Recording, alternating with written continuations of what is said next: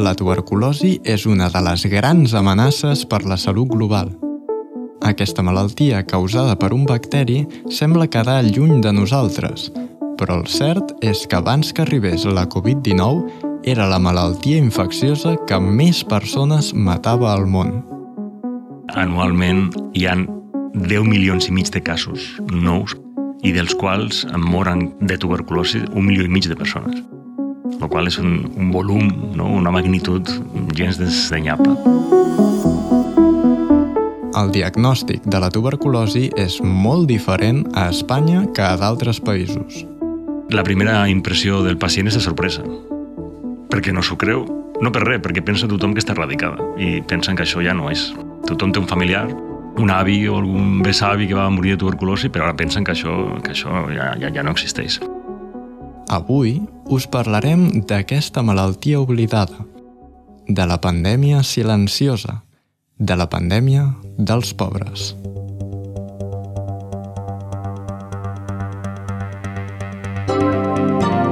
Un bri de ciència, el podcast de ciència de l'Institut de Recerca Germans Trias i Pujol.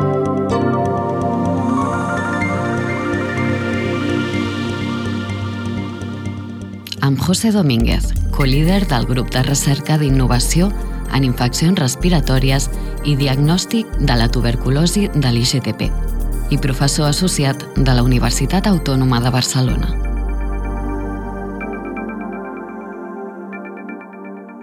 La tuberculosi és una malaltia de pobres i els que treballen en tuberculosi també són pobres. En comparació amb altres disciplines i amb altres infeccions fins i tot, no ha rebut mai el finançament necessari i acorde amb la magnitud. Si comparem amb el Covid, la inversió que es va fer en Covid en tan poc temps és infinitament superior a tota la que ha rebut la tuberculosi al llarg de tota la seva història de, en recerca. El qual és, bueno, una mica cridaner. Una part d'això penso que ve donat pel fet de a quines poblacions són les que estan més afectades per aquestes infeccions. La tuberculosi afecta de manera desigual a nivell geogràfic, amb més casos a països amb pocs recursos. Per exemple, països de l'Àfrica subsahariana o fins i tot de l'Europa de l'Est. Però la malaltia també presenta diferències a nivell personal i social.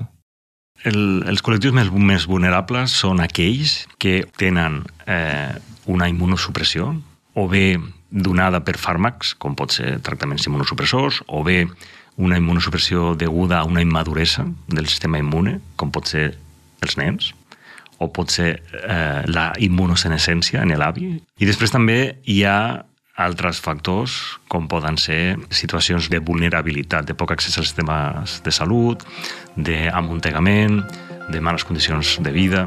Tot això són factors que, que poden condicionar.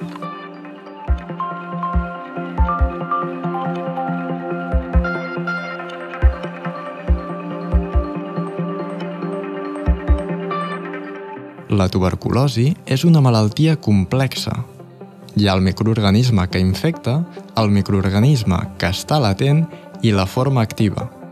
Però aquesta concepció d'infecció i latència s'està posant en dubte. Es parla de diferents estadios transitoris entre la infecció i la malaltia. Formes de tuberculosis subclínica o tuberculosis subagudes en les que tu encara no tens símptomes, però la bactèria ja està activa i està començant a despertar. I, i fins i tot pots transmetre-la sense adonar-te. Ja no es parla tant d'infecció i latència com a dos estatus immòbils, sinó com un espectro de diferents estadios entre que la infecció arriba i fins i tot la pots resoldre fins la malaltia. En tot cas, es calcula que aproximadament un 10% de les persones que s'infecten progressen cap a la malaltia. Un 10% pot no semblar molt, però un 10% de molta gent són molts casos.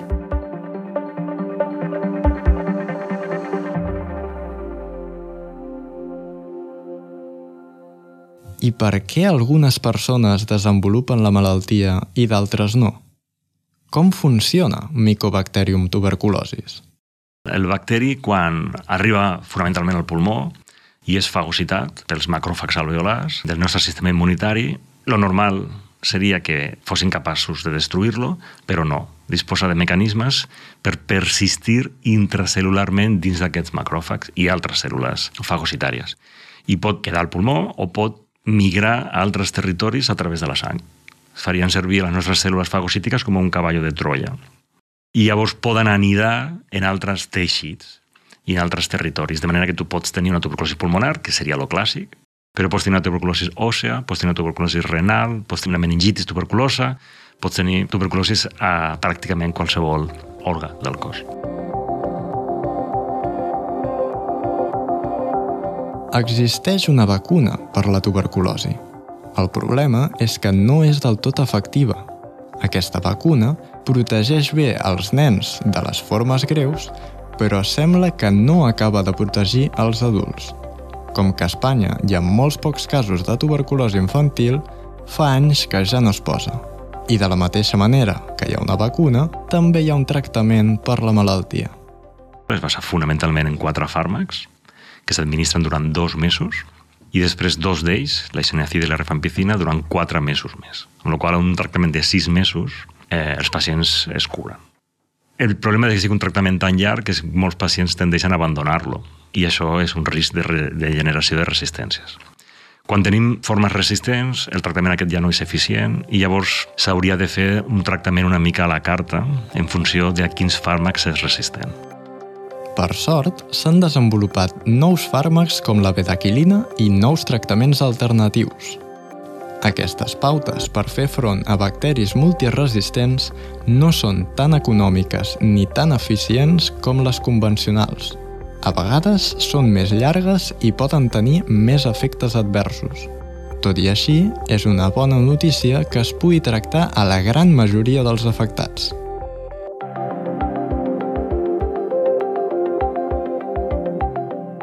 Aquests avenços en els tractaments no haguessin estat possibles sense les aportacions de la recerca científica.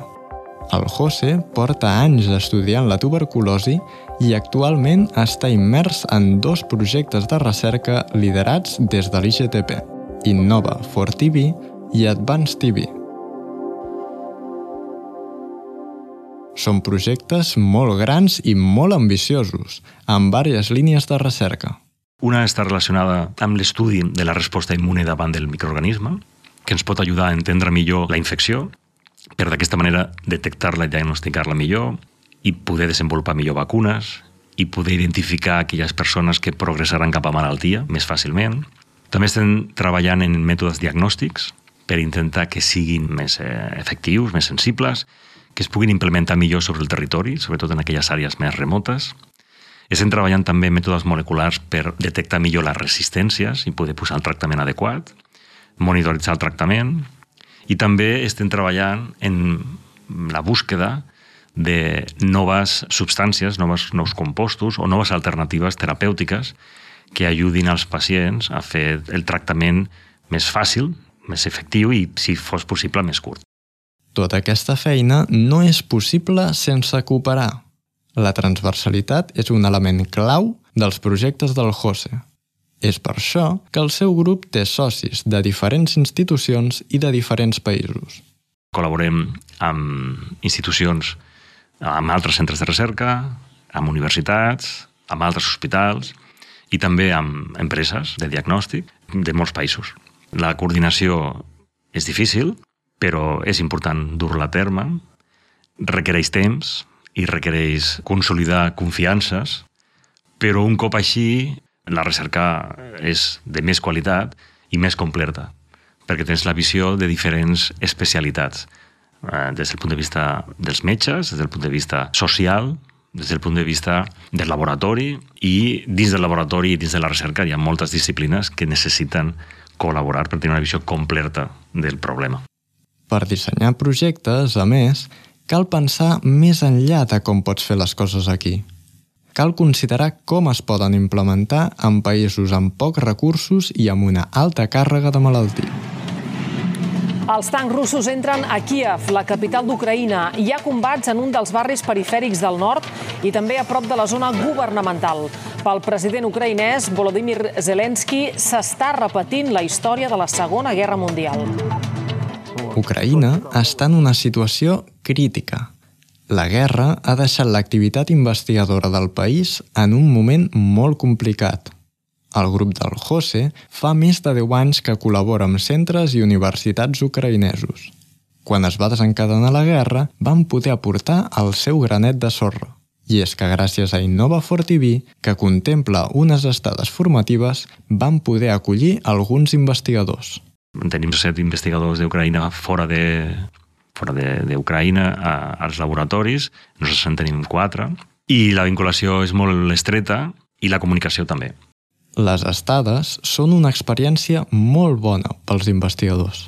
És una oportunitat d'obrir la ment, de veure altres realitats i de generar un interès per la recerca i per augmentar les seves capacitats professionals. La veritat és que estem molt contents de com, de com està anant i les persones que han pogut participar d'aquests intercanvis eh, també estan molt contentes, fan una valoració molt positiva. L'ajuda a Ucraïna no es va acabar amb l'acollida d'investigadors. Els centres de recerca ucraïnesos tenen moltes dificultats per fer la seva feina del dia a dia. També els hospitals. Al territori ocupat hi ha personal sanitari que no cobra i cada cop amb més malalts. Per ajudar-los a combatre els talls d'electricitat, Fa poc vam fer un fundraising juntament amb altres xarxes com TVNet. Gràcies a moltes aportacions, van aconseguir l'import necessari per comprar un generador. M'omple d'alegria perquè dona evidència de la comunitat que hem creat, una comunitat que li agrada la recerca i treballa conjuntament això, però també solidària i amb compromís amb els, amb els col·legues.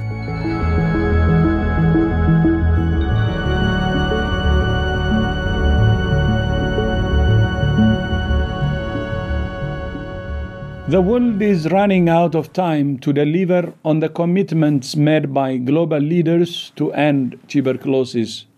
This is especially critical in the context of COVID-19 pandemic. We're running out of time. The clock is ticking. It's time for urgent action to end TB. El 2014, la OMS va presentar una nova estratègia per acabar amb la tuberculosi. De cara al 2030, es van proposar reduir la incidència un 80%, les morts un 90% i eliminar completament els costos catastròfics que suposa la malaltia a les famílies afectades. Els propòsits són ambiciosos, però es poden intentar aconseguir. Això sí, erradicar del tot la tuberculosi és molt més difícil. Crec que no serà possible erradicar la malaltia en un termini raonable de temps. Primer, perquè l'única possibilitat d'erradicar la malaltia és disposar d'una vacuna efectiva. I això de moment no ho tenim. Però penso que sí que podem millorar molt en l'impacte que té la malaltia sobre els sistemes de salut i sobre els pacients. El futur sembla esperançador. I el del José i el seu grup estudiaran altres malalties? Tenim altres idees, estem treballant en l'impacte que té els, els factors ambientals i la contaminació, els plàstics i els microplàstics en la salut, però hi ha un problema i és que la tuberculosi s'enganxa. És una malaltia que la trobem, els que treballem la trobem tan interessant, tan fascinant, amb tants aspectes, tantes facetes científiques, socials i fins i tot històriques, que un cop has començat a treballar i a estudiar-la costa de deixar. De moment, nosaltres continuarem treballant amb tuberculosi. Hi ha molta feina encara per fer, hi ha molts reptes, però sí que ho anirem combinant amb altres recerques que ens interessen. Per acabar, el José ha volgut posar en valor la inversió pública en la recerca i la feina que es fa a l'IGTP. L'IGTP és una institució de recerca que, per la dimensió que té, és admirable la quantitat i la qualitat de la recerca que es du a terme. Jo crec que les institucions no donen el valor i el pressupost que, que, que mereix per la excel·lent recerca que es fa donada la dimensió, la, les dimensions que té la institució. L'IGTP està en el campus Can Ruti, on hi ha un, un hub de recerca conjunt amb l'hospital i amb altres institucions que han de ser i són d'un un pol d'atracció de, de talent de qualitat pels propers anys.